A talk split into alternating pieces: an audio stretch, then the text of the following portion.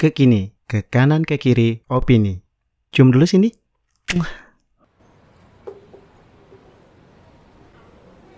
Aduh, ini hari makin hari makin susah aja. Era-era begini udah susah, nganggur lama. Kuliah baik-baik aja. Saya juga nganggur. Oh, nganggur. Tapi saya dengar situ katanya masuk GMNI apa gimana? Enggak, didekati. Didekati oleh GMNI. Ikut organisasi gak sih di kampus, Pak? BEM aja, BEM. BEM. Heeh, BEM. Tapi pengurus. Pengurus Oh, kayak ibu-ibu Bayangkari berarti. PKK sih. Program Soeharto. Loh, kan ibunya Oh, kenapa Anda nahan-nahan? ibu kita Kartini. ibu kita Kartini. Bisa aja. Terus gimana dan kuliah lancar-lancar aja? Katanya kan kapan sih kampus tuh masuk kapan? Masih September September. September berarti bulan ini dong, pertengahan. pertengahan. Balik ke Jogja. Enggak, saya balik masih lama kali ya. Belum belum belum buka. Coba santai dulu, santai dulu, Eh. santai, santai. Kenapa takut-takut? Jangan takut-takut mulai ngobrolannya. Gaya gaya kuliah di Jogja atau gimana ya? iya, bapak kan kuliah Oh Jogja. iya benar. Kan yang penting saya nggak nyebut instansinya kan, Oh. saya nyebut kotanya. Di Jogja banyak kampus kan? Iya, ada ada banyak loh, ada 10 ada lebih kali ya. Lebih UM, UM, UMY.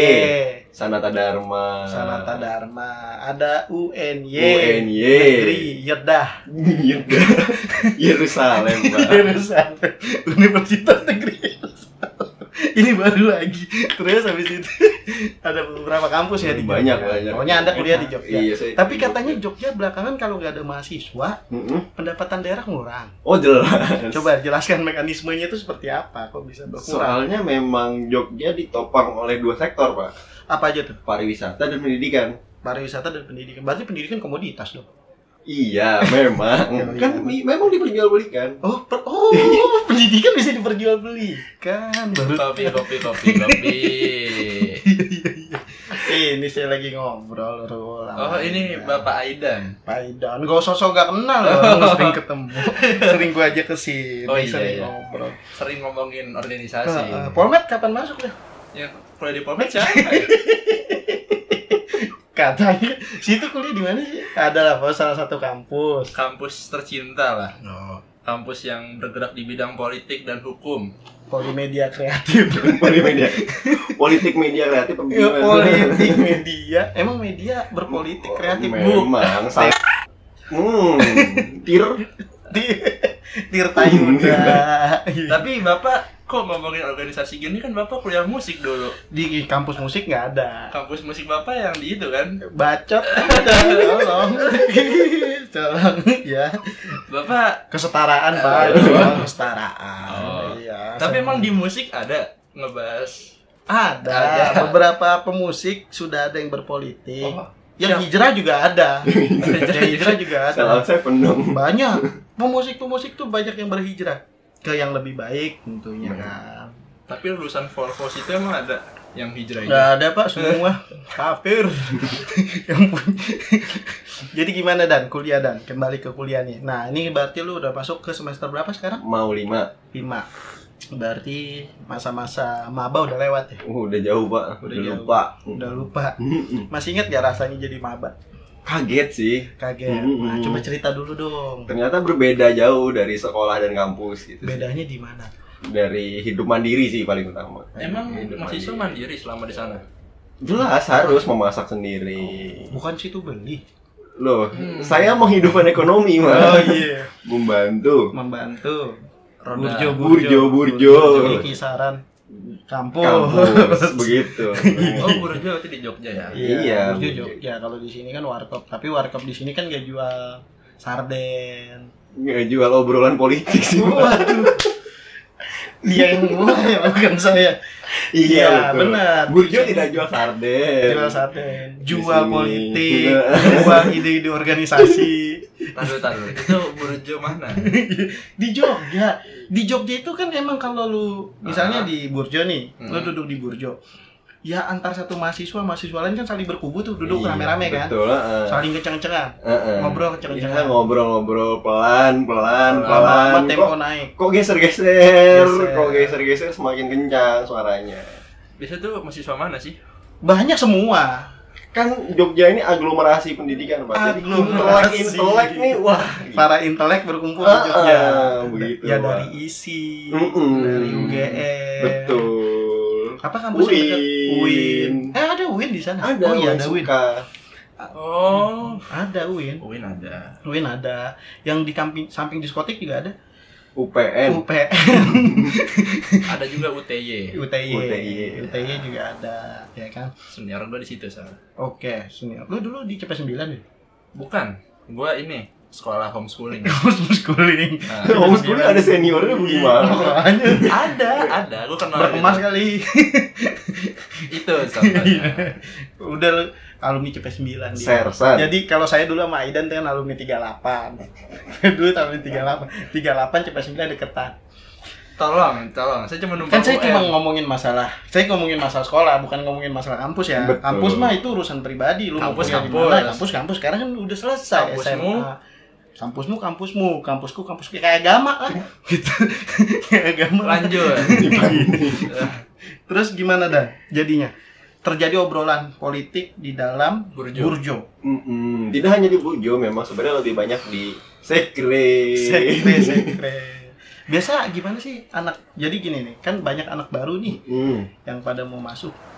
Modus operandi Modus operandi. yang dipergunakan oleh organisasi-organisasi kampus untuk merekrut Menggayat, menggayat. nggak merekrut dulu kalau menggayat kan pasti udah dibiayain dong Mm.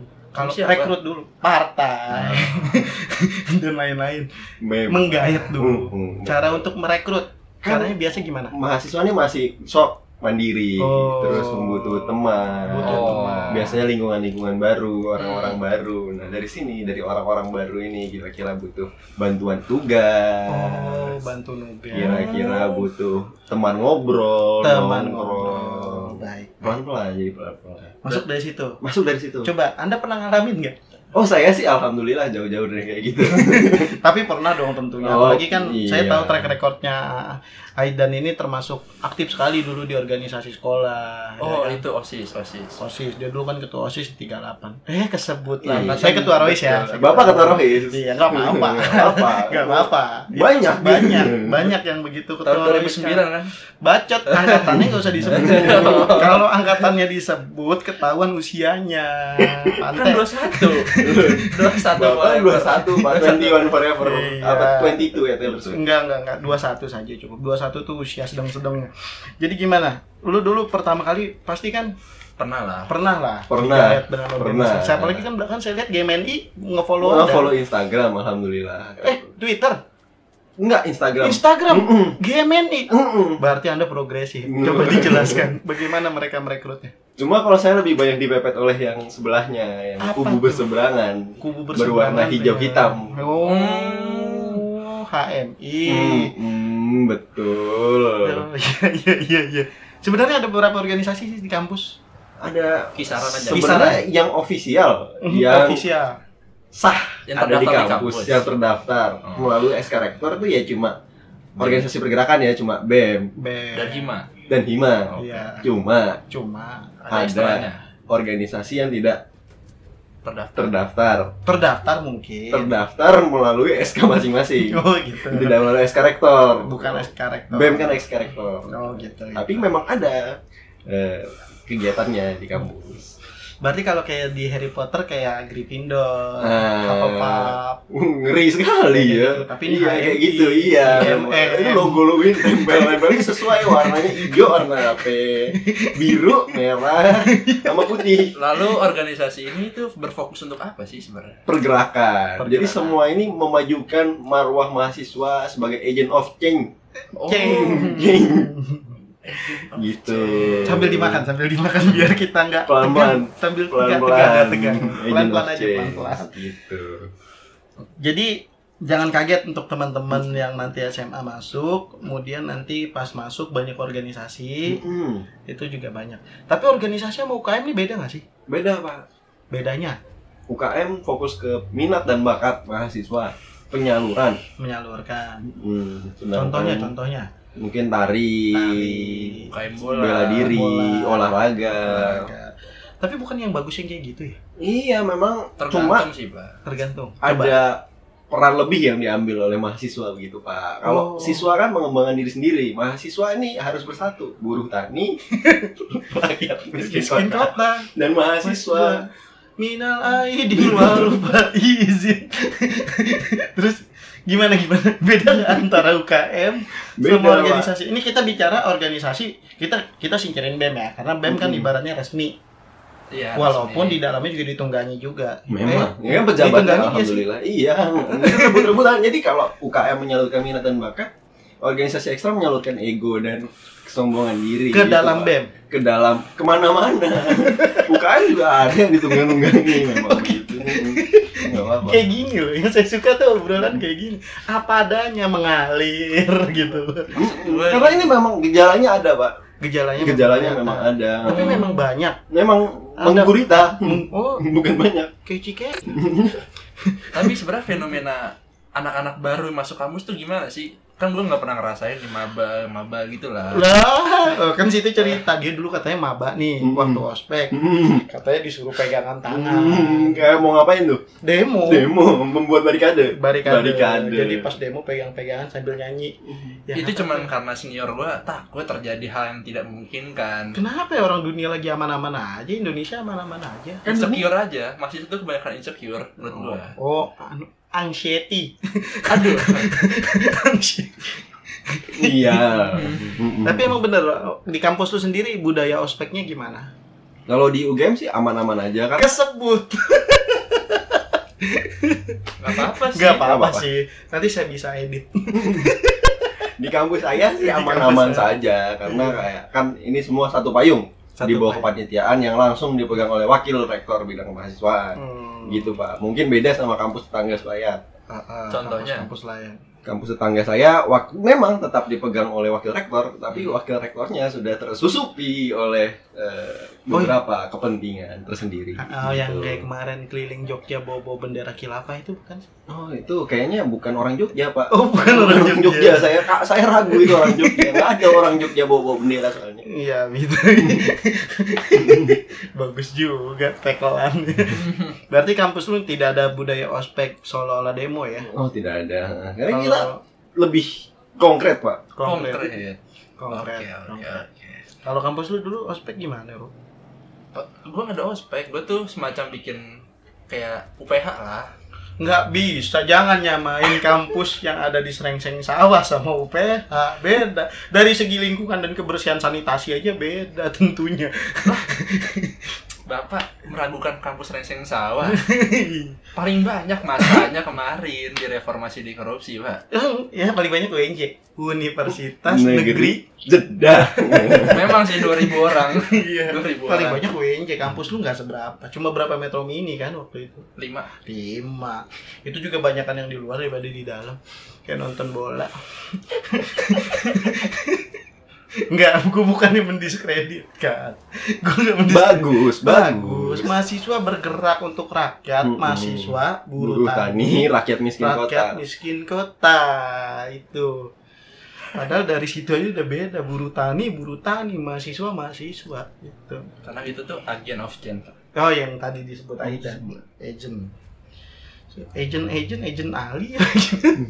Tapi gue penasaran sih, Pak. Ya. Maksudnya fenomena anak-anak baru masuk ke ke kampus yang kayak gimana sih? Gue belum pernah lihat soalnya. Belum pernah ngerasain juga. Kalau dari Bapak Aida ngeliat Enggak, maksudnya gegar budaya gitu ya. Hmm. Yang dirasain sama anak-anak baru masuk, lu masih ingat ya? 5 semester yang lalu. Mungkin lebih ke pergaulan yang akhirnya berubah. Hmm. lebih luas. Mungkin kan sekolahnya banyak juga teman-teman saya yang Iya. kan kampus saya ini sangat inklusif, Pak. Oh, gimana Oh. tuh? Gimana tuh? Coba, Jadi, coba. Merangkul, Merangkul. dari Sabang sampai Merauke gitu. Oh, berarti kampus kerakyatan lah ya? Kampus eh memang alhamdulillah. Tapi rakyat miskin sama mahasiswa kan beda. Beda emang. Memang tidak ada mahasiswa yang miskin sebetulnya. Iya, sebenarnya tidak sebetulnya ada. sejatinya. Tapi kan rakyat miskin juga privilege. Lah, tak- eh nggak boleh gitu. Anak bidik misi Anak bidik misi kenapa? kan termasuk ya bukan orang kaya, bukan Iya, privilege. memang bukan privilege, tapi Tapi- tidak bisa disebut miskin. Oh iya juga. Kadang KJMU dipakai buat betulin motor. Teman saya Pak. Teman saya buka kafe. Bayangkan itu. Bayangkan itu coba. Kartu Jakarta untuk mahasiswa. Iya. Salah siapa coba? Ya, saya nggak mau ngomong. Kalau Jakarta kita tepikan dulu. Iya. Kita lagi bicara soal pendidikan di Indonesia Di nih. Indonesia umum. Masalah kampus, masalah Hmm. kampus dulu. Nah, jadi orang masuk ujuk-ujuk kalau di kampus lu nggak ada. Berarti anak baru ini seperti lembaran kosong. Lembaran kosong, akhirnya Kayak kosong bayi. dari otaknya dan kosong kantongnya. Hatinya juga. Hatinya biasanya iya. Tapi Atau- memang biasanya gitu, Pak. Kalau misalnya hatinya kosong kan disusupi lah oleh paham-paham Iya, Pak. radikalisme. Hmm, makanya hati itu harus selalu diisi, Pak. Iya. Makanya ada lagunya, Pak. Hidup Jaga Iya. hati betul iya. Kan? Nyanyi juga. Tet Ajim. nah terus kalau misalnya kayak gitu berarti kan mahasiswa ini bisa dibentuk dong anak baru nih bisa dibentuk. Oh iya, memang sangat Pak. Karena mahasiswa baru nih lebih solid-solidnya, Oh. saling mempengaruhi satu sama lain. Oh jadi, Jadi, pengen lulus bareng biasa. Pengen lulus bareng, Walaupun ke mana ikut kenyataannya- ke mana gitu. Walaupun kenyataannya- kenyataannya ya tidak ada, tinggal-tinggalan aja. Pas sudah di semester berapa tuh mulai tinggal-tinggal? Mungkin ya ketika sudah memilih penjurusan, fokus jurusan itu udah Udah jurusan. mungkin ya punya pacar. punya pacar biasanya sih udah keninggalin nongkrongan gitu udah, Udah mulai jarang. ke mana batang hidungnya Iya, tiba-tiba kok sering ke kosan. Aduh. Gitu memang kalau di Jogja banyak kosan. Banyak. banyak kosan Kosan yang bebas banyak. alhamdulillah merbak Merbak. Tapi uang Cina, di uang Depok kamu apa kosan harus dibatasin, Pak. Bal nggak boleh. Nggak boleh di cowok sama kos cowok. cowok cowok nggak boleh karena LGBT cowok-cowok itu udah LGBT mau dia LGBT atau enggak Tetap Depok udah nyangka itu LGBT Iya. Reinhardt. Nggak boleh kalau di Depok. Cewek-cewek berkumpul Nggak apa. nggak apa-apa. Cowok cowok-cowok nggak boleh. pasti homo. Kata katanya gitu. Katanya. gitu. Tapi nggak tahu sih kalau Depok kan emang beda sendiri. Padahal kan di situ ada kampus yang wah banget. UI Gundar. oh gue Ini gedungnya baru ya Wah banget loh. Iya. Kedokteran Gundar loh.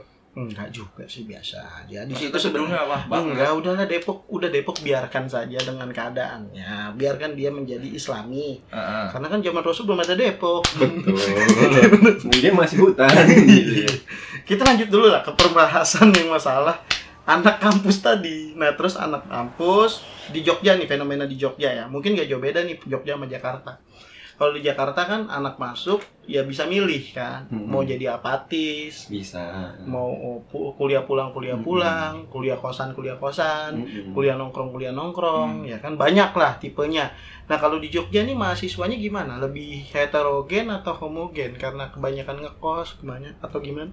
Mungkin lebih yang mau diam ya diam yang mau rame ya rame. Ya. jadi semua punya pilihan masing-masing mbak. Yang mau diam ini maksudnya ya yang kupu-kupu terus yang mungkin kuliah kerja kuliah kerja. Oh. Artinya ini semua pilihan mbak sebenarnya pak pilihan. Nggak nggak mesti disalah dan benarkan sih no berarti ikut organisasi juga termasuk pilihan? Termasuk pilihan alhamdulillah. Tapi organisasi apa yang baik buat mahasiswa oh semua baik Idealnya, semua idealnya. baik Ah, di mulut di promosinya memang semua baik, Baik, pak ya. cuma Idealnya, yang iya. nggak baik adalah jadi ribut saling ribut satu sama lain pak. Jadi nggak seperti tadi ya yang seperti tadi HMI dengan Hmm, JM hmm, hmm. JMM TV apa? JMNI apa? Hmm, hmm, betul GTV gitu. GTV jadi ormek organisasi ekstra organisasi ekstra ini saling ribut satu sama lain pak. Untuk memperebutkan? Memperebutkan ego pak. Jadi kayak Roma Irama betul sebenarnya pak. Darah muda darahnya para remaja pak. Oh, Begitu. jadi maunya menang sendiri gitu. Betul. Betul sih. Menarik, menarik, menarik. Setelah dipikir-pikir betul juga. Memang Bang Haji Oma itu udah berapa kali kan mau nyalon dan nyapres gagal mulu. punya partai jangan gitu Lalu organisasi yang ideal gitu Yang untuk ideal. maba seperti apa sih menurut lu? Ah, Ada nggak? Ada nggak gitu? Kalau ideal sih mungkin menyesuaikan dengan kondisi masing-masing, Pak. Soalnya ada juga yang mau langsung fokus sama lomba, mungkin ada yang mau fokus sama organisasi, yang mau agent of change, mungkin mau mengabdi sama masyarakat. Hmm. Semua preferensi sih. Oh, berarti bebas tuh. Bebas. Kalau lu sendiri? Kalau saya sendiri, saya sih mungkin agak kurang, Pak, sama yang UKM UKM. Agak kaku tangan saya. Oh, yang iya, lentur kan lidah biasanya.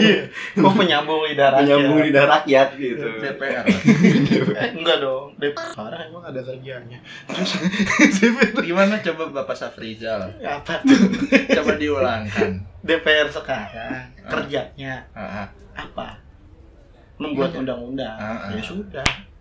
Yang tadi kalimat kalimat yang tadi Kalimat yang tadi DPR kerjanya apa? Kalau DPR kerjanya apa? Banyak wakil presiden tidak seperti itu apa? kalimatnya tidak seperti itu udah, udah, udah, udah, kita lanjut dulu lah. kita lanjut dulu lah. Jadi bagaimana nih Pak eh, Aidan? Kalau misalnya seandainya teman-teman mahasiswa baru semester 1 kemudian langsung diajak ikut organisasi, benefitnya apa sih ikut organisasi? Ya, kenceng amat ya Iya motor Ya. emang kenceng-kenceng sekarang. Lanjut, lanjut. lanjut. ya benefitnya sebenarnya banyak pak. Sebenarnya tergantung organisasinya. Cuma kan ada organisasi pergerakan, ada organisasi yang melatih minat dan bakat, ada Hmm. olahraga. Mungkin ada yang memilih pengembangan diri. Semua intinya sebenarnya ngisi CV pak. Oh, cuma Oh. ini Ngisi CV. Begitu. Cuma Jadi itu doang. itu agent of change adalah kedok pak. Oh, sama seperti agama. Terus lanjut kedok. lanjut lanjut lanjut lanjut Gitu, Pak. lanjut Jadi semua nyari pembenaran sebenarnya. Sebenarnya cuma nyari ya oportunis dalam diri lah pak sebenarnya pak. Semua kan pengen butuh makan sebenarnya intinya itu udah ujungnya duit. ujung-ujungnya duit. tapi berarti nggak ada yang benar-benar dari hati dong Hatinya kan untuk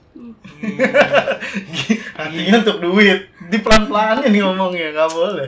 padahal kan ini warung jurnalis ya iya memang maksudnya kan sih. pendidikan kan memang itu pak. Bapak pendidikan kita dendels pak mencetak siswa untuk menjadi buruh. Nah, ya benar. iya, iya, ini juga salah satu nih yang harus dipelajari nama lu benar. Dendles itu bapak pendidikan ya. Iya bukan Ki Hajar Dewantara. Bukan Ki Hajar Dewantara. Bukan Dewi Sartika. Bukan Dewi Sartika. Apalagi yang di Minang itu bukan. Yang siapa? Dulu. Gimana tadi? Enggak. Dendles itu bapak pendidikan Pendidikan. Indonesia. Karena memang pendidikan Indonesia dibuat untuk Mencetak buruh. iya, buruh. Betul. Ya makanya kan sebenarnya SMP saja semua nggak usah pada kuliah gitu. ya, jatuhnya memang ya lu sendiri deh. Oke kita kita, kita- ini udah mulai ngeri nih bahasan ini. Konsep kampus merdeka, Mm-mm. Apa yang ada di benak lu? Pembelajaran jarak jauh. Mungkin sekarang karena terpaksa pak pembelajaran jarak jauh sementara. Cuma paling enggak saya lebih senang lah pak. Saya bisa ngelihat sebenarnya di kan saya udah jauh-jauh merantau. Masa saya dapat yang di jurusan saya doang. Mm-mm. Gitu. Nah ini ini ngebuka gerbang-gerbang sih pak. Dan dari yang eh, kampus yang eh, mungkin eh, berbeda, mungkin agak eh, Radikal. Mm-mm, bisa membuka pikirannya, membuka wawasannya. Jadi mahasiswa punya kesempatan. Hmm. Jadi ini lebih ke membuka kesempatan pak buat kita. Siapa lagi yang keguruan-keguruan itu? ya. Mm-mm, betul. Gitu. Cuma em- memang iya pak. Jadi kampus merdeka ini belum bisa diambil oleh yang semester awal, ada semester akhir. Ya, karena pikiran belum nyampe. Mm-mm, takutnya belum yang yang dipunya belum kuat, udah nyari yang punya orang. Tapi memang belakangan fenomena mahasiswa ilmu belum seberapa ngomong udah setinggi langit juga udah banyak kan? Iya, jadi jurusannya apa ngomongnya apa itu banyak pak. Oh. Apalagi zaman maba, Oh. kaget gitu. Jadi banyak juga ketua BEM kayak gitu ada. Hmm, ada yang, Yang jurusan, jurusan apa? kedokteran gigi, endorse shop. Enggak. Endorse shopping nggak masalah. Enggak masalah, ngendorse enggak masalah. Nggak masalah. Cuma kan kedokteran gigi. Heeh. Membahas politik ya nggak masalah juga Nggak sih. masalah. Cuma ada lebih baiknya kan ketika membuat sebuah kajian melibatkan anak-anak yang ngerti ya harusnya. ya. Iya, yang masalah dia, dia memanjat tangganya itu melalui rakyat pak. Oh. memanjat tangga kesuksesan dan pamor melalui pembenaran atas rakyat digunakan untuk kepentingan pribadi. Jadi ini memang sering terjadi kan? Oh iya memang ini pak. Jadi ini lamahnya pergerakan-pergerakan mahasiswa itu cuma omong kosong karena semua terjebak sama figur-figur pak. Oh. Contoh. Enggak, kita Contoh. enggak. mau contoh, Contoh, Mau contoh. Contoh. Langsung enggak. Akhirnya aksi kemarin dapat digembosi dengan beasiswa, mobil Fortuner. Ini angin, kabar angin. kabar angin. Cuma kan kabar angin seperti ini lumayan mematikan semangat, Pak. Oh, iya Jadi benar kok, benar. kok kok kok kok Kok- saya yang di bawah nggak dapat apa-apa, yang dapat yang atas ya.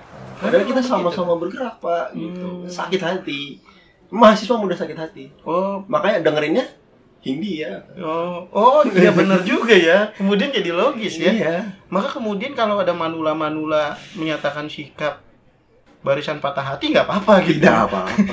Karena memang mahasiswanya juga Dari sejak mahasiswa pantesan manula-manula kemarin ini keliling Jawa alhamdulillah. Oh Oh maksud bapak yang di itu kan di Jakarta kan? Iya, yang undang duta besar Palestina. Tapi kecelek. duta besar Palestinanya kecelek. Dibohongin bang. Parah ya? Dosa abis dosa ya Allah. Lanjut, lanjut, lanjut, lanjut. Jadi ini mahasiswa, kita balik lagi ke mahasiswa semester 1 masuk, terjebaklah dia dalam organisasi. Ketika dia terjebak dalam organisasi, dia udah merasa pengen keluar. Nah, ketika dia pengen keluar, apa yang pengen dia lakuin? Apa Sebenarnya, yang bisa dilakukan? Kalau organisasi sah yang udah melalui SK Rektor yang diatur oleh mahasiswa punya mekanisme yang jelas, SOP, semua ada penyelesaiannya. Hmm. Cuma yang nggak jelas itu yang ya mengikat, yang seolah-olah ya ini adalah ukhuwah. Uh, Wah. Jadi tidak bo- tidak boleh memutus tali silaturahmi. Begitu. Berarti sebaiknya selamanya dia bakal di situ. menyatakan kesetiaan selamanya mungkin sampai berprofesi sampai harus menyumbang kembali memberikan apa yang sudah di Oh, kayak baiyat sistemnya. iya siapa menebar dia menuai. Memang Oh gitu, Pak. iya iya iya iya iya iya canggih juga berarti organisasi ini. Modusnya itu biasanya dia minta line atau minta nomor ya apa gimana sih? mepet-mepet sih pak biasanya Mepet. personal Personal. ngobrol terus Mau follow jadi- followan ya, IG jadi coba lihat kakak itu gitu nah, ya. iya akhirnya jadi berhala-berhala pak jadi kayak Oh jadi yang kamu kalau ikut saya nanti bisa jadi kayak dapat endorse. Oh, Nah, kayak oh, gitu yang kayak gitu. mas-mas yang akhirnya Mas yang itu. terkenal gitu, Iya. itu ketua BMC itu kan? Ih, alhamdulillah. Sebentar sebentar. Jadi sebenarnya nggak ada bedanya kok sosok. Berarti sebenarnya sistem organisasi baik di kampus sendiri membuat figur-figur menurut lu. Berhala-berhala baru. Iya. Dan itu terus terjadi. Itu siklus yang akhirnya membusuk pak di kampus. Cuma ya sekarang alhamdulillah ada mulai ada angin angin segar melalui yang disebut ya sebenarnya aliansi aliansian sih oh. Aliansi, aliansi. aliansi aliansian Hmm, Sebenarnya sebenarnya main-main dong kalau gitu. so, enggak soalnya enggak jelas yang di belakang ini aliansi yang disebut aliansi itu yang mana? Oh. cita-citanya apa? Kan Oh, iya. aliansi sebaiknya marwahnya adalah punya cita-cita yang sama. Ah, Ah. cita-citanya apa ini nggak pernah disebutkan oleh aliansi. Cita-citanya ya udah mencoret-coret eh, bangsa aja.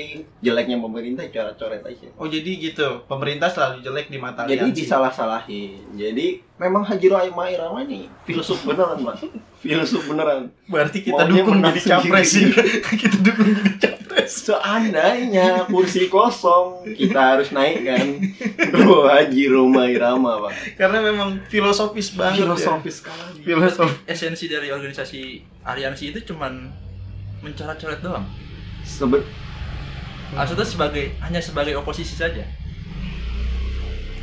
Marwahnya sih memperjuangkan, Memperjuangkan. kepentingan rakyat pak cuma masalahnya adalah memperjuangkan kepentingannya melalui infografis Oh. yang diambil sepotong-sepotong infografi kan bisa dinikmati masyarakat iya di Papua, Di Papua. di NTT, Di Australia. di Kalimantan Utara, walaupun yang bikin Australia gitu ya. Atau Si gimana? bisa, sih, si bisa. Gitu pak jadi yang jadi masalah adalah mahasiswa ini disusupi oleh eh, kepentingan-kepentingan praktis. Hmm. gitu. Semua Anda nggak menggunakan kata politik praktis, tidak. Kepentingan kepentingan praktis. praktis. Karena politiknya sangat luas lebih Iya, itu the point kepentingan iya, praktis. kepentingan praktis. Contoh kepentingan praktisnya? contoh kepentingan praktisnya adalah ya kita akhirnya saling ribut satu sama lain pak semua merasa paling benar akhirnya Hmm. untuk kembali sebenarnya ego pak Ego. ego Membuat berhala praktis. baru. berhala berhala baru nah Lata, berhala- Uja, Huba. gitu pak jadi sebenarnya kepentingan kepentingan praktis ini terjadi di hampir semua kampus di Indonesia pak Semua ya. terutama yang di kota-kota besar yang mudah disetir Oh, Oleh. disetir. Oh, sebentar. Berarti punya dalang. punya dalang alhamdulillah dan Oh. setiap organisasi indikasinya mengindikasikan Kan dalang-dalang. dalang-dalang yang berbeda-beda Oh. antara organisasi satu dengan yang lainnya Tujuannya tujuannya adalah kepentingan dalang kepentingan dalang Kepentingan untuk dalang. naik untuk menggait masa sebanyak mungkin. sebanyak mungkin dan ini masanya kan intelek-intelek pak Oh, jadi iya ketika benar. sudah lulus kan memang sudah enteng jadi punya jaringan tidak hanya di kampus di sekolah di tempat kerja. Oh, Jadi, jadi gitu ini caranya. Simbiosis mutualisme, Pak. Hmm. Jadi mahasiswa Bukan jatuhnya parasitisme gitu. Tapi kan mahasiswa dapat benefit, Pak, kalau ikut organisasi. Apa? Nanti kamu bisa jadi Mas ini lo kerja di sini. Oh, iming-iming. Gitu, Pak. Jadi Emang kepentingan dunia. praktis dari mahasiswanya, kepentingan praktis dari organisasinya. Hmm, Berarti kampus jual mimpi. Eh, organisasi, jual Organisasi mimpi. jual mimpi. Tapi gue mau nanya dah, Pak. Hmm. Apakah mungkin anak-anak SMA yang tadinya di SMA ikut organisasi, pas masuk organisasi di kuliah, bisa gampang sekali disusupi? Nah, ntar dulu. Coba. Dari lu dulu, Dan. Misalnya dia sibuk di SMA ikut organisasi, apa di kampus dia akan sibuk lagi? Belum tentu sebenarnya. Hmm. Ada orang- orang-orang tipe yang udah muak organisasi di SMA dia nggak mau lagi organisasi di kuliah Hmm. dia mau wah gue mau fokus akademik aja tapi ada juga yang memang passionnya di organisasi ya sudah Hmm. itu jalan ninjanya dia Oh, jalan ninjanya Hmm. begitu. Dia pengennya di organisasi terus. terus saja meniti karir Sama jenjang karir Jenjang. jatuhnya. Oh, jatuhnya organisasi jenjang karir. jenjang karir pak dari staff nanti naik kepala bidang nanti naik alhamdulillah kalau beruntung mendapat masa naik ketua, Ketua. organisasi kan itu iming-imingnya lebih besar soalnya pak Oh, jadi ketua organisasi iming-imingnya lebih. iya Tapi apakah mungkin dia akan gampang dimasuki doktrin-doktrin organisasi? sangat mungkin pak Malah Hmm. lebih mungkin. Wah, sangat mungkin malahan karena kan ibarat tadi kertas kosong masuk ke printer Eh, universitas Ah, walaupun dia Akhirnya- punya bekal. Bekal kan nggak kan mungkin bekal yang dibawa di SMA Hmm. itu ya cuma sebatas ya bekal-bekal orang anak-anak SMA yang masih main kalaupun Hmm. ada mungkin dari alumni-alumni yang sering datang hmm. dan alumni yang sering datang itu pun membekali membekali menyusupi. tentunya. Menyusup Heeh, jadi tolonglah knalpot saya Melalui mentoring biasanya. dah kok mentoring saya bahas tongkrongan itu bahas mentoring itu lebih spesifik rohis loh nggak ngomong rohis. Hampir semua organisasi ada loh. iya sih Iya. mungkin bukan Eskul juga ada mentoring loh. ada forum sajalah jangan mentoring karena kalau kalau saya mentoring udah pasti rohis Ya karena bapak ketua. Iya iya Ya. gitu loh berarti paham-paham alumni data paham-paham alumni masuk sini aja deh Heeh. Berarti belum cukup kuat ya bekalnya ya. belum belum belum. jadi memang harus menyiapkan diri sebetulnya pak Oh betul betul. Berarti memang masih eh, anak-anak adik-adik yang pengen masuk kuliah ini harus punya benteng dulu ya. punya benteng punya pola pikir yang lurus Punya filter lah intinya. punya filter Tapi kalau di Jakarta gue lihat anak-anak gaul yang di SMA kecenderungan ikut organisasi kurang kayaknya. iya memang hmm, saya juga merasakan pak Iya. Kalau teman-teman saya alhamdulillah yang ikut organisasi ya yang orang-orang yang memang niat untuk Hmm. menyuarakan dalam hatinya gitu beda dengan Masa sih? teman-teman saya Masa sih? yang pengen main gitu pak gitu. tapi memang itu preferensi sih pak nggak nggak mesti Nggak bisa, nggak ya? ada generalisasinya nggak ada generalisasi berarti semua terserah lu mau masuk kampus nanti mana organisasi apa UKM apa terserah. Tapi tentunya kan UKM juga ada kepentingan juga disusupi tadi kan. ada juga ada beberapa juga beberapa apalagi yang berbau-bau agama ya Hmm, UKM sarangnya sering ngumpul di Ini tempat soalnya ada ininya pak ada risetnya. Saya berani ngomong memang sarangnya. Sarangnya? Heeh. itu yang apa? Agama-agama? Iya, heeh, itu Oh, di ada tempat-tempat udah ibadah. udah ada risetnya itu. Risetnya antara risetnya mana ya?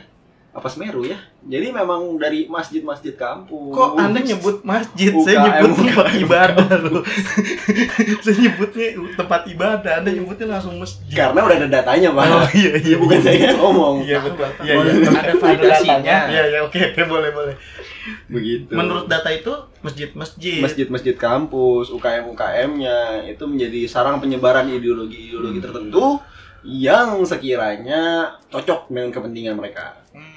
Hmm. bukan gitu kali bukan Gimana tuh, kepentingan yang bisa ngebiayain UKM itu Hmm, mungkin Mungkin yang lebih kuat-kuatan dana Sponsor gitu ya. Iya, karena kan sebenarnya semua organisasi bergerak pakai dana dong. Pakai dana.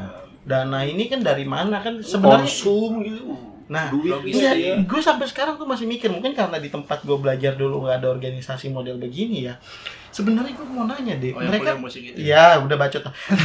ini yang masalah tentunya tiap organisasi setahu gue ya karena gue orang organisasi walaupun gue bukan organisasi yang terkenal terkenal banget gitu walaupun gue ikut di luar setahu gue namanya organisasi kan punya ADART Mm-mm. anggaran dasar anggaran rumah tangga nah ADART kampus ini eh ADART organisasi ini kan tentu ada dana dong Mm.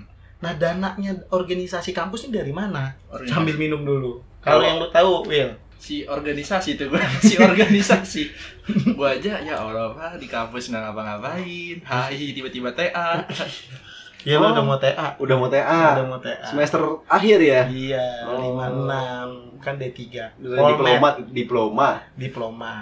Sama lah kayak bapak diploma Iya. Coba polmed. Polmed Karena polimedia. Polimedia. Iya. Ya, kalau menurut Aidan, duitnya dari mana? Sebenarnya yang sah kas pak, Oh, kas pak, iuran kas. kas pak.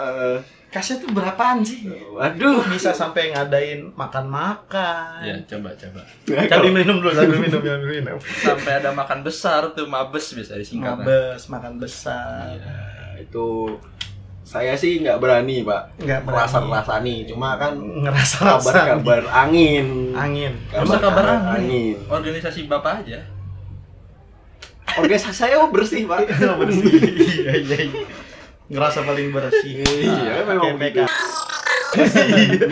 KPK. Terus terus soalnya saya coba jauh-jauh sama orang kayak begitu jadi saya mending nggak usah dah kayak gitu bahaya loh orang kayak gitu Jadi gimana? Iya, jadi Dana memang yang paling sah dari kas. dari kas cuma Iuran. kan kebutuhannya ini besar ya, Ah. aksi, Heeh, jadi penulisan kajian strategi. simbiosis mutualisme ini memberikan dana ya seolah-olah organisasi sudah membukakan pintu-pintu rezeki bagi, bagi anggotanya. Jadi ketika Iya, iya. sudah mendapatkan rezeki, setidaknya mengembalikan lah Oh, sebagian feedback. feedback. Ketika sudah punya pintu rezeki, sudah bekerja melalui orang-orang dalam. Oh. Yang dari organisasi itu juga. oh anggota dewan Ang- eh, eh, di partai. eh, eh. gitu ya Ini di Jogja. Di Jogja. Kita nggak ngomongin. Ya. Kita ngomongin Jogja. Jogja. Jogja Hmm. UGM di mana UNY Jogja. enggak UGM di mana UGM. UGM di Jogja. Memang UGM di Jogja. Keresahan Pak Ida nih banyak banget kayaknya nih. iya soalnya emang gitu kan Iya, kampusnya Kampusnya resah, resah sekali. partai mahasiswanya banyak Ya, cuma ada di kampus beliau, cuma ada di kampus Bapak Se-Indonesia. se-Indonesia. Karena di kampus lain kan nggak ada partai. nggak ada Cuma partai yang sudah jaya masuk melalui mentoring-mentoring Forum. forum forum tadi. Oke. Agak ngeri gue bahasnya mungkin karena gue bukan mahasiswa kali ya. pernah mahasiswa Enggak, soalnya zaman gue kayaknya nggak separah ini. Ya, tapi memang realitas sih Pak. Bukan serem-sereman. hmm. Memang ini memang sudah normal lah. Oh, normal. Normal, ini normal. Udah Cuma normal. nggak ada yang berani menyuarakan karena memang sedikit banyak adalah menjadi bagian. Oh, serem juga. Jarang ada orang yang pengen bersuara tuh ya yang memang jauh-jauh karena ya orang kalau udah bersuara tuh dianggap punya kemampuan lebih. Jadi Lu ya nggak takut se- sering bersuara? kan kan saya bersuara melawan teman-teman saya juga. Iya gitu. teman-teman saya juga. Ah. Jadi ya ya sudah. Oh, Kecuali kita nggak nggak ada ketimbangan relasi kuasa di sini. Oh, Wah, gila. iya, iya. SJW banget nih bahasa gua. SJW banget. bahasanya intelek banget Enggak, bahasanya berjarak. berjarak dengan orang-orang bodoh seperti gua. Ketimbangan relasi kuasa.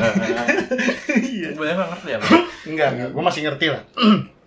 Tapi kalau gua ngelihatnya gini dan anak-anak baru nih terus masuk kampus, terus nggak punya bekal apa-apa. Sebenarnya kan ketika dia jadi orang nih, misalnya dia jadi orang, contoh tiba-tiba si fi- figur tertentu menjadi ketua BEM, kemudian dia ngomong bla bla bla bla bla bla bla bla.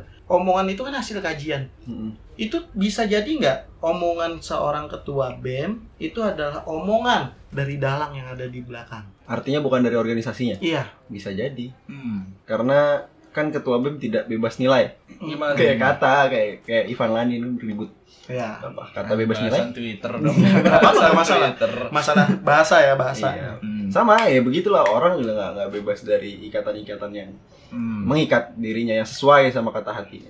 Berarti bebas nih. Bisa jadi itu. Cuma ya memang selayaknya ya harus melalui kajian yang dilakukan oleh organisasi itu. sebenarnya ada satu bagian sih yang masih gua nggak ngerti. Kastrat. Nah, fungsinya kastrat ini apa? Apa semua organisasi punya kastrat atau cuma BEM yang punya kastrat? BEM Unif dan BEM Fakultas punya. Punya kastrat. Untuk organisasi yang lain? Eh, Hima biasanya ada divisi pencerdasan aja. Hmm. Fungsinya kastratnya apa? Yang Anda tahu selain nyomot-nyomot informasi bikin infografis ya. Harusnya nih ya, harusnya marwahnya adalah mahasiswa ini kan intelek, kaum intelek. Jadi pool of knowledge ini eh, perkumpulan ilmu-ilmu yang ada di mahasiswa ini harusnya bersatu menghasilkan suatu kajian yang kiranya sudah dirembukkan dengan matang, sudah melalui pertimbangan-pertimbangan sesuai dengan eh, nilai-nilai yang berlaku. Teori-teori yang dan teori-teori ada. yang ada dan harusnya memberikan rekomendasi-rekomendasi baik kepada masyarakat, kepada orang-orang di sekitar maupun terhadap pemerintah. Cuma yang terjadi adalah eh, mahasiswa ini agak disibukkan oleh riuh rendahnya. Riuh rendah. riuh rendahnya. Di Cikatnya bagus. Riuh rendah. Terus? Riuh rendahnya situasi bangsa ini Ya. yang kiranya memang politiknya itu riuh. Jadi kira-kira harusnya kan BEM fakultas tuh ada untuk mengakomodasi kepentingan fakultas. Nah, Ah, yang terjadi adalah fakultas mengakomodasi apa ya mengakomodasi kepengenannya aja trennya lagi apa supaya BEM fakultas ikutan naik jadi ikutan Oh. oh, kita ikutan bahas ini loh RUU oh Cipta kita Lapangan Kerja. omnibus Omnibus law, law. reformasi di korupsi RUU KUHP Oh berarti mentingin traffic juga ya? traffic pak karena memang pemasukan.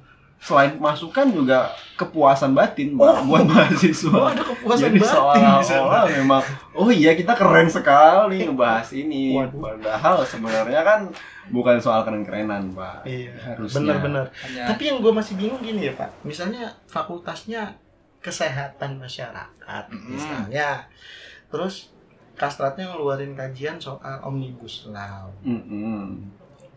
Oke, mungkin ada sedikit bagian ya, Yang poin-poin yang menyangkut tentang Kesehatan keilmuan masyarakat. kesehatan masyarakat, AMDAL, misalnya segala macam. Oke, gue masih bisa terima. Tapi kan kadang-kadang yang gue baca nih Pak, kastrat ini selalu menjadi oposisi pemerintah. Yang Hmm. mengharuskan kastrat jadi oposisi pemerintah itu siapa? Sebenarnya harusnya pak marwahnya mahasiswa ini kan mitra kritis pemerintah pak Harusnya Mitra mitra kritis. kritis. Coba kita garis mitra. Mitra Iya, kritis. seperti kampus saya waktu ribut-ribut 2017 waktu Ribut-ribut apa tuh? Apa tuh ya yang diundang semua ke Mata Najwa Oh iya, yang rame-rame Hmm, yang rame-rame. Oh yang Ngobrol. ketua BEM situ Obet kan namanya. iya betul ketua BEM saya Terus? Oh baik terus. ngomong akhirnya ketua BEM saya oh waktu itu infrastruktur kalau nggak salah Oh iya iya Dia iya. bilang- Di Papua ya. Ah, ah, di Yang Papua kartu kuning. Hah? kartu kuning Kartu Jokowi kuning. nah itu Iya, iya. satu kampus satu aliansi BEM itu di BEM UIU BEM Trisakti mereka bilang eh, Jokowi ini hanya mementingkan infrastruktur Ah, tidak tidak melakukan bla bla bla bla bla bla bla dicatat-catatin lah. ah. Cuma BEM saya waktu itu mengambil posisi yang berbeda. Katanya ya memang eh, tidak bisa semua kepentingan diakomodir dalam satu waktu karena keterbatasan bla bla bla bla bla bla bla bla bla bla bla. Jadi Betul. Artinya bukan hanya menjadi oposisi seharusnya harusnya bisa mengambil posisi berimbang di tengah riuh rendahnya permasalahan bangsa, Pak. Hmm. Apalagi kan katanya pemerintahan kita ini oligarki, Pak. Uh, Oligarki. sebentar.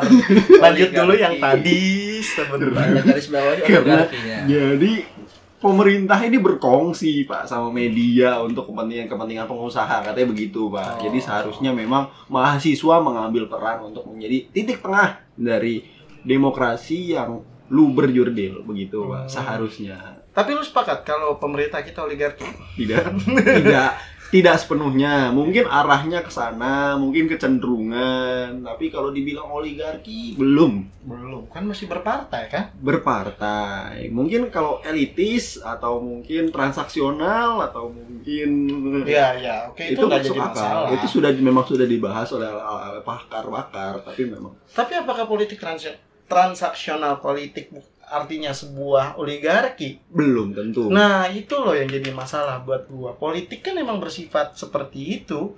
Kita ambil Amerika aja kalau gue lihat ya, ya masing-masing kan kalau ketika satu perundang-undangan, senat dengan senat saling cari dukungan. Dukungan duit sih pak banyak. Ini itu makanya sebenarnya kalau gue lihat ya sebenarnya demokrasi itu ya emang begitu ranahnya gitu loh. Transaksional pasti ada gitu Berat loh banget sih bahasa. Iya. Enggak, enggak maksud gue gini loh, ini kebahas masalah oligarki. Nanti Hmm. kita cerita oligarki hari ini. Nah, tapi kan masalahnya oligarki apa iya? Iya. Ngeditnya susah nempel nih. noise noise sengaja sengaja Enggak maksudnya, enggak maksud gue gini loh, maksud gue apa benar pemerintah kita ini bersifat oligarki gitu loh. Nah, tadi kan Aidan bilang tidak sepenuhnya lu mengaminkan hal itu. Hmm. gue juga nggak sepenuhnya mengaminkan karena kan masih ya pada dasarnya lu bisa menggugat kok gitu Iya. satu undang-undang misalnya misalnya nih ya kalau seandainya teman-teman Mahasiswa. mahasiswa ada satu undang-undang pemerintah yang lu Kurang tolak cocok. kurang cocok di hati lu kan lu bisa ajuin lagi ke MK lu bawa bukti-buktinya gitu loh kan kita bukan kayak Swiss pak sebenarnya bukan ke MK sih pas sekarang udah berubah ke media ke media dulu ke media baru ke jalanan media masuk ke YouTube YouTube baru jalan hmm, depan DPR gitu. depan DPR iya Padahal ada dananya ya. hmm. tapi gue nanya dah pak pas zaman lu di 2009 SBY itu. heeh, SBY itu. apakah sama dengan keadaan sekarang Nggak tahu ya, mungkin karena gue ngerasanya gini. Eh waktu itu, nah ini sebenarnya masalah sih berarti ya sebenarnya masalah yang kemudian dihadirkan oleh pemerintahan beliau hmm. di pemerintahan sekarang gitu loh. Karena kan menuai hasilnya ya menuai hasil, hasil yang sangat maksimal. Kenapa? Karena kan pemerintahan yang sebelumnya, sebelum Pak Jokowi ini kan, yang sebelumnya, kalau gue lihat sebenarnya kan pemerintahan tanpa musuh, zero enemy, semua dirangkul, hmm. semua dapat kekuasaan, semua dapat potongan kue sampai bikin candi, ya kan? Nah, akhirnya yang terjadi kan pembiaran publik besar-besaran sampai ada satu organisasi yang bisa pakai GBK Hmm. untuk ulang tahunnya betul kemudian menyusup ke TV nasional, TV bangsa, ya ya publik TV publik gitu. Nah itu satu-satunya TV publik di garis bawah di, di, di Indonesia. BUMN BUMN gitu. Milik pemerintah disusupi gitu loh. Nah, itu kan pada dasarnya waktu itu memang era beliau, era-era ya baik-baik lah. saja, era baik-baik saja, era di mana nggak ada yang kayak sekarang. Era Kalau sekarang, Indonesia. nah, nggak juga. Indonesia jaya tuh 32 tahun yang lalu. Lah dolar kan turun pas zaman dia Dan beras, swasembada pangan. Wah, setahun doang swasembadanya bangganya sampai hari ini Padahal Kementerian Pertanian paling gede kantornya. kantornya kembali lagi Kembali lagi. Nah, itu yang zaman gue sih nggak ada yang riuh rendah begini, nggak terlalu kelihatan. berarti nggak ada tuh maba-maba baru yang gegap gempita saat masuk kampus Ada, gegap gempita tetap ada, cuma kayaknya lebih ke culture shock gitu yang tadinya nggak pernah nongkrong jadi sering nongkrong. Kayak itu sih kayak kayak zaman gue kayaknya seperti itu kak. Nggak kayak sekarang. Kalau sekarang kan kayaknya semua mahasiswa pintar. oh zaman apa Idan berarti Enggak, zaman lu juga kan lu sama Aidan satu angkatan. Nah, zaman lu sama Aidan ini lebih ke apa ya? Kalau gua ngelihatnya kayak bergejolak banget. Mungkin karena mahasiswa sekarang literasinya lebih baik ya. lebih baik Lebih baik. Sedangkan kan di angkatan gua banyak yang sudah menikah, menua tinggal nunggu mati saja gitu kan sebenarnya.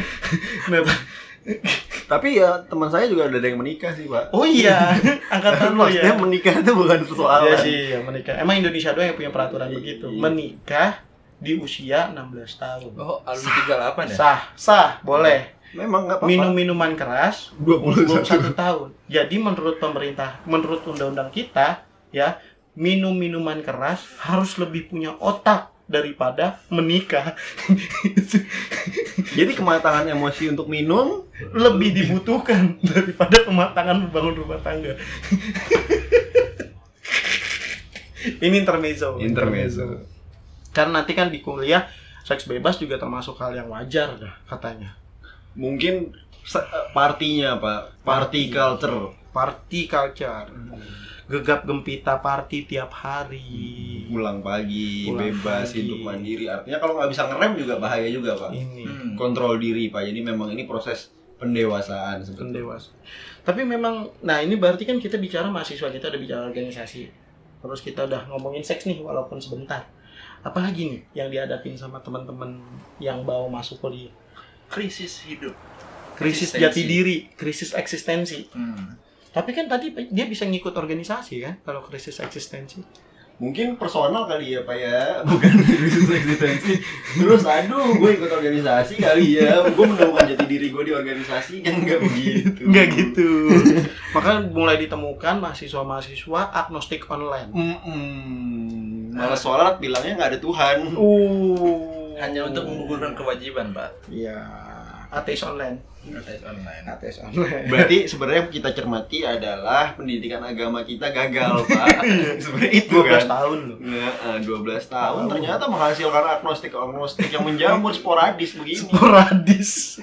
Iya benar-benar. Ya tapi memang iya loh. Belakangan kayaknya fenomena mahasiswa-mahasiswa. Sorry ya yang gue lihat gini. Ya gue mungkin dulu ya masih mahasiswa tapi gue punya nilai-nilai gitu loh. Walaupun gue nggak membawa nilai-nilai rohis ke kehidupan sehari-hari.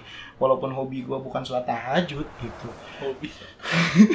tapi kan enggak tapi kan ibaratnya gini gue tahu gitu loh apa nilai yang baik apa nilai yang enggak gitu loh tapi kayaknya sekarang kegagalan banget tuh Ya, kegagalan banget tuh SMA, SD, Hmm. SMP, SMA pembangunan nilai-nilai yang mau ditransfer ke anak-anak mahasiswa sekarang ya akhirnya menjadikan anak-anak lulus SMA kosong. Hmm. meskipun nggak terjadi di semua tempat, Iya. ada juga orang-orang kelompok-kelompok orang yang masih berhasil mansur nilai kebudayaan. Iya. Tapi yang memang kita cermati adalah kebanyakan anak-anak ini adalah anak-anak yang di kota, Pak, sebenarnya. Di kota. Kota-kota besar. Iya, seperti yang saya pernah bahas kemarin, Will, masalah anu, yang aksi kemarin. Saya Hmm. ngelihat ada murid saya ikut aksi. Hmm.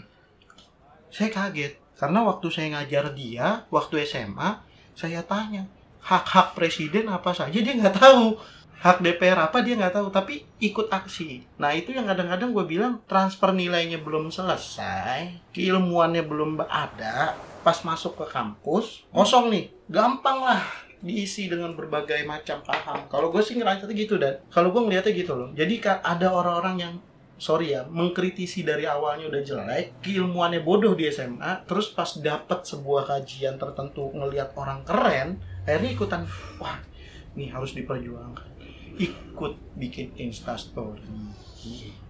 Itu yang gue lihat sih. kemarin. Mungkin komprehensif dalam pola pikir kali ya, Pak ya. Kurang. Ya, Komprehensif dalam pola pikir. iya bener loh. Nggak ngerti kan lu? Coba, Coba, jangan. Komprehensif artinya lu berpikir belum tentu lurus. Ya. itu itu yang gagal ditanamkan menurut gua gua pengen membawa bahwa seharusnya sejak SD SMP SMA setidaknya adalah kemampuan logika yang dibangun secara runut Ya. dan gamblang. Bukan melalui logika logika numerik saja melalui matematika saja. Wih, kayaknya ini bahasan yang waktu itu nih. iya. Saya sepakat soalnya. Iya, iya dia sepakat soalnya. Bahwa pendidikan kita gagal banget tuh. Gagal. Nyambungin satu informasi informasi lain Ya, connecting the dot connecting the dots pendidikan kita babak belur. kadang membaca data saja gagal gimana mau ngambil informasi padahal Contohnya membaca data yang gagal. Hmm, contohnya kemarin ya, yang netral-netral aja kali ya kita Iya, ambil. netral, Jadi netral. gini, kemarin waktu itu saya baca eh, headline Kompas, mahasiswa dan pelajar rentan tertular COVID karena jumlah pasien yang COVID paling banyak adalah kelompok pelajar dan mahasiswa. Betul. Hmm. Kalimat ini adalah kalimat yang ambigu Kenapa? karena disebut COVID berkaitan dengan profesi pelajar dan mahasiswa. Padahal pelajar dan mahasiswa tidak melaksanakan profesinya sekarang. Iya. Kenapa? Karena ada pembelajaran jarak jauh. Betul. Tapi seolah-olah sekolah dan kampus menjadi klaster-klaster penyebaran. Padahal Padahal yang menjadi klaster penyebaran adalah kantor-kantor PNS buang-buang duit buat swab test pakai APBD. terkait masalah anu nih, terkait masalah agnostik online di yang terjadi di mahasiswa yang baru-baru pada masuk Ya, tadi itu Pak, culture kampus apakah Culture mendukung kampus mendukung nggak sih? Nah itu terjadinya esensi tadi selain tadi soal PNS ya.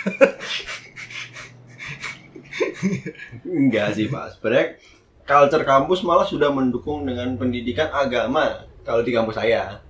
Jadi anak-anak dari semua fakultas Hmm. pergi ke fakultas filsafat belajar agamanya masing-masing. Fungsi Fakultas Filsafat di kampus ada itu ya? Mengajarkan agama. Oh. Hmm, terbalik dari Jakarta. Oh iya kalau di Jakarta kan FMI, beda Pak. FMI. Oh, Mengaji dan ilmu pengetahuan agama. itu aja Pak. Coba gimana? Bapak Syafrizal. Udah ada diem. Terus nah oke oke oke berarti ini kalau lu sendiri dan ada pesan nggak untuk teman-teman yang pada pengen masuk kuliah dari kelas 12? Nah, mungkin buat teman-teman membentengi diri dulu, membentuk kepribadian yang kokoh. yang kokoh. Nah, mudah terombang-ambing. Seperti anai-anai yang berterbangan. Iya, aneh-aneh bahasanya asu. Apaan sih bang aneh-aneh bang? Tolonglah, jangan ba- kebanyakan baca baca teori gitu. Tapi sebenarnya gini pak, Eh, sorry ya, gue tadi pengen jadi belum bisa gue selesai ini obrolan. Baru mau bakar sebatang lagi deh. Sebatang cabut ya, batang cabut. Sebatang cabut. ya. Sebat, Hmm, sebat, sebat but. but. Sebatang Hmm. Kalau menurut lu sendiri fenomena mahasiswa-mahasiswa baru yang pada baca buku baru, pada bah kan belakangan buku-buku kiri di Jogja lagi banyak katanya. Iya, dari dulu alhamdulillah. Di Iya. Pocin juga kan sebenarnya banyak, cuma Sudah digusur. Sudah digusur. Emang iya ya? Sumpah, kesian banget gue dulu suka beli situ tuh. Ya itu Bapak Memang yang kiri. dari SMA udah kiri kurang ajar. Padahal bapak anda kanan jauh. Saya tengah, Pak. Semua orang bilangnya tengah, nggak ada yang udah dibilang kiri kanan. kiri kanan mah itu Kita doang sih? berani bilang kiri. Iya, kita doang yang berani bilang dia kiri. Tapi kan gak kiri-kiri banget ya, Mang. Kita ke tahun 65 loh, ngebahas kiri kanan. Iya. Enggak, enggak, enggak, enggak. Beda, beda, beda, beda. Kalau itu mah udah langsung kena tangkap. enggak, menurut lu permasalahan yang dibaca teman-teman mahasiswa ini kan lagi sedang-sedangnya ya, punya literasi yang baik. Mm. Menurut lu belakangan ini terjadi nggak sih gegap gegap gagap literasi? Gagap literasi dalam artian gagal mengambil intisari intisarinya, Iya. menyatukan teori-teorinya, connecting Betul. the dots-nya, membentuk informasi yang tadi saya bilang sebenarnya. ya. Cuma mungkin kak ini sebuah efek domino dari ya dari SD sebenarnya kita nggak pernah diwajibin membaca buku sih. Susi. Mm-mm, saya dari SD cuma ya dikasih cerpen, iya baca cerpennya, dibaca dengan lantang, terus diambil moral story-nya. Terus Hmm. diambil unsur intrinsik, unsur ekstrinsik. Nggak guna tuh. Nggak dia nggak diambil rentetan berpikirnya, pola-pola pikirnya, Oh. logikanya itu tidak diambil, tidak diekstrak, jadi cuma direbus aja direbus. Rebus. Nggak diambil ekstraknya. Iya, betul betul betul. Ini juga menarik sih kayak gini. Soalnya belakangan gue juga ngelihat banyak fenomena teman-teman yang baru pada belajar Filsafat. filsuf. Filsuf. Filsuf. Nah, itu pada pengen jadi filsuf, membaca filsafat tapi tidak disertai dengan Kemampuan. enggak rentetan berpikir filsafat. Hmm. Karena kan pada dasarnya berfilsafat itu kan proses berpikir dari awal sampai akhir ke yang paling dalam gitu loh. Nah masalahnya kalau gue lihat, eh gue kayaknya sepakat nih sama filsuf ini. Ya udah itu aja yang akan diterusin gitu. Itu akan dibela mati-matian. Padahal kan sebenarnya pemikiran terus berkembang. Memang membaca itu baik pas gue. Budaya-budaya membaca yang sudah ada sekarang, Baik. mahasiswa Diteruskan, baik. diteruskan, diteruskan harus diteruskan. Cuma jangan lupa dibekali. dibekali. Dan jangan lupa ketika sudah menikah punya anak baca juga. Apa tuh baca apa? Enggak, baca buku juga. Ini masalah utamanya gini, Pak. Kalau gue ngelihatnya gini ya, ini yang terjadi ya. Kalau orang tua suka baca buku, anaknya juga otomatis akan suka baca buku. Itu tuh itu itu secara sederhana loh. Karena yang gue lihat orang tua orang tua Indonesia ini ketika udah pulang kerja capek, udah nggak mau ngapa-ngapain. Karena yang terjadi anak baca buku nggak ada ngarahin gitu loh. Hmm. Kalau orang tua yang punya pengetahuan yang baik, ketika lu udah kuliah, lu punya anak, ya lu didik juga anak lu dengan cara yang benar. Jangan cuma belaga ngomong bahasa Inggris, tapi cara membaca dan pola pikirnya nggak dibentuk. Gitu loh. Karena sekolah masih hitungannya 12 tahun pendidikan kita masih belum sempurna Ya. membentuk pola pikir. Maka kemudian ya itu tadi, 12 tahun sekolah cuma memproduksi kertas kosong yang bakal diisi oleh paham-paham di kampus. Produksi buru. Ya itu memang tujuan akhir. Kentut lagi gitu. Gimana ya? Angin malam sih gitu. Iya. Namanya warung kok dijaga sampai malam gitu. Ya udah nih kita mau tutup dah. Gimana Dan? Ada lagi yang mau lu sampaikan? Cukup. Keluhan lu lah. Keluhan sudah sih ya sementara mungkin itu aja pokok-pokok pembahasannya pokok-pokok pemikirannya Pokok kayak pemikiran. Pancasila ya Iya, semoga ya, semoga Mau berubah jadi kasih. Enggak, semoga se Megawati itu. Kalau kata ceramah yang kemarin di pesantren, saya dengar. Kok pelan sih ngomong? Kencangin aja. Apa-apa. Takut saya, ini biar gimana juga. Masih ada takutnya saya. kalau yang ini saya takut ini juga saya nggak mau main yang ini Oke, gitu aja. Thank you banget dan udah ikut obrolan kita. Thank you, thank you, thank you. Sudah mau mampir di warung jurnalis. Apaan sih orang warung jurnalis apaan sih kagak ada warung-warung jurnalis. Intinya obrolan warung kadang-kadang lebih jujur. memang di jalanan semua ide Hmm. campur baur memang Pak. ya di tempat-tempat tertentu ide akan bertemu sebenarnya kan itu diskusi kalau isinya orang-orang yang sepakat doang ya buat apa Bukan diskusi dong namanya. iya Absen. nggak kepikiran sampai sana Tapi cuma warung gua doang, Mbak, yang menyediakan menu Apa? baru. Bapak belum pernah nyobain. Belum. Coba. menu barunya apa tuh kalau Soto. iya Soto khas Banjar Iya. yang dimasak dengan resep keluarga. oke namanya Namanya itu masakan Antin. itu ada di Shopee ya Ada di Shopee dan Tokopedia. Berarti Bisa. gratis ongkir Gratis ongkir. Kalau- Alhamdulillah. oke kita tunggu aja verified atau belum Iya. ya Tiap minggunya suka ada promo. Tiap hari malah. promo bangsat bridgingnya. Memang ya udahlah sampai situ aja kita obrolannya. Karena Sarul udah mulai produksi produksi anu promo promo barang. Bagus, bagus, buat gue segitu aja. Oke. oke sampai ketemu lagi selanjutnya. Sampai ketemu.